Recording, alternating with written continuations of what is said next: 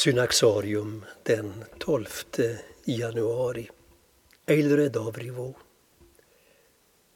Eilred föddes i Hexham i England 1109 i en familj som sedan generationer var kristen. Hans far och farfar hade varit präster men i och med den gregorianska reformrörelsen i England på 1100-talet tvingades fadern lämna sitt ämbete.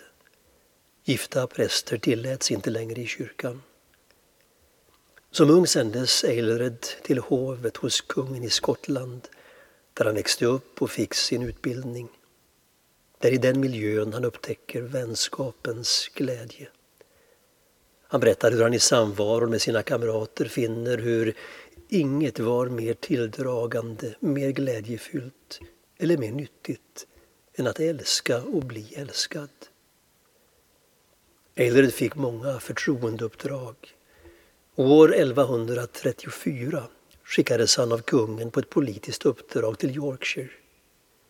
Ett par år tidigare hade ett cistercienskloster, Rivaux, grundats i närheten och Eilred inbjöds dit för att träffa några munkar som kommit på besök från Clairvaux där den berömde Bernard var abbot.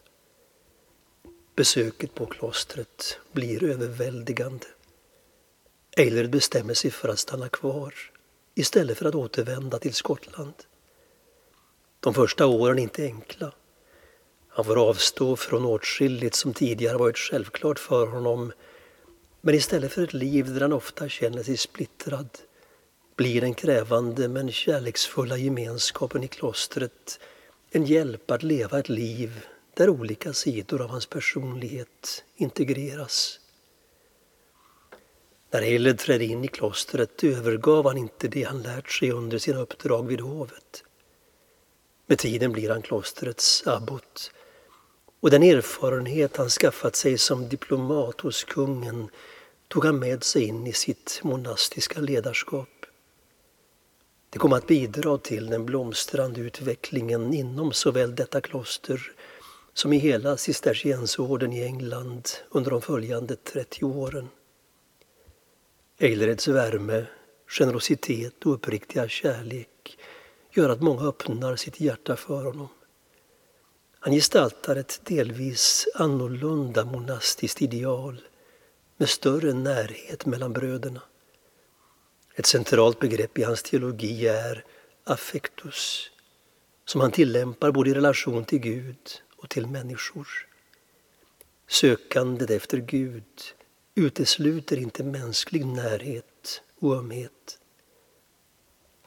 Bernard av Clairvaux uppmärksammade den särskilda nådegåva som fanns hos Eilred och bad honom skriva en bok om hur kärlek och askes hör ihop. Resultatet blev Kärlekens spegel. En serie meditationer om vänskap och kärlek mellan bröder. Dessa har ett djup och en klarhet som gör att de fortfarande läses av kristna i många traditioner. Eilred av Rivaux dog i sitt kloster den 12 januari 1167.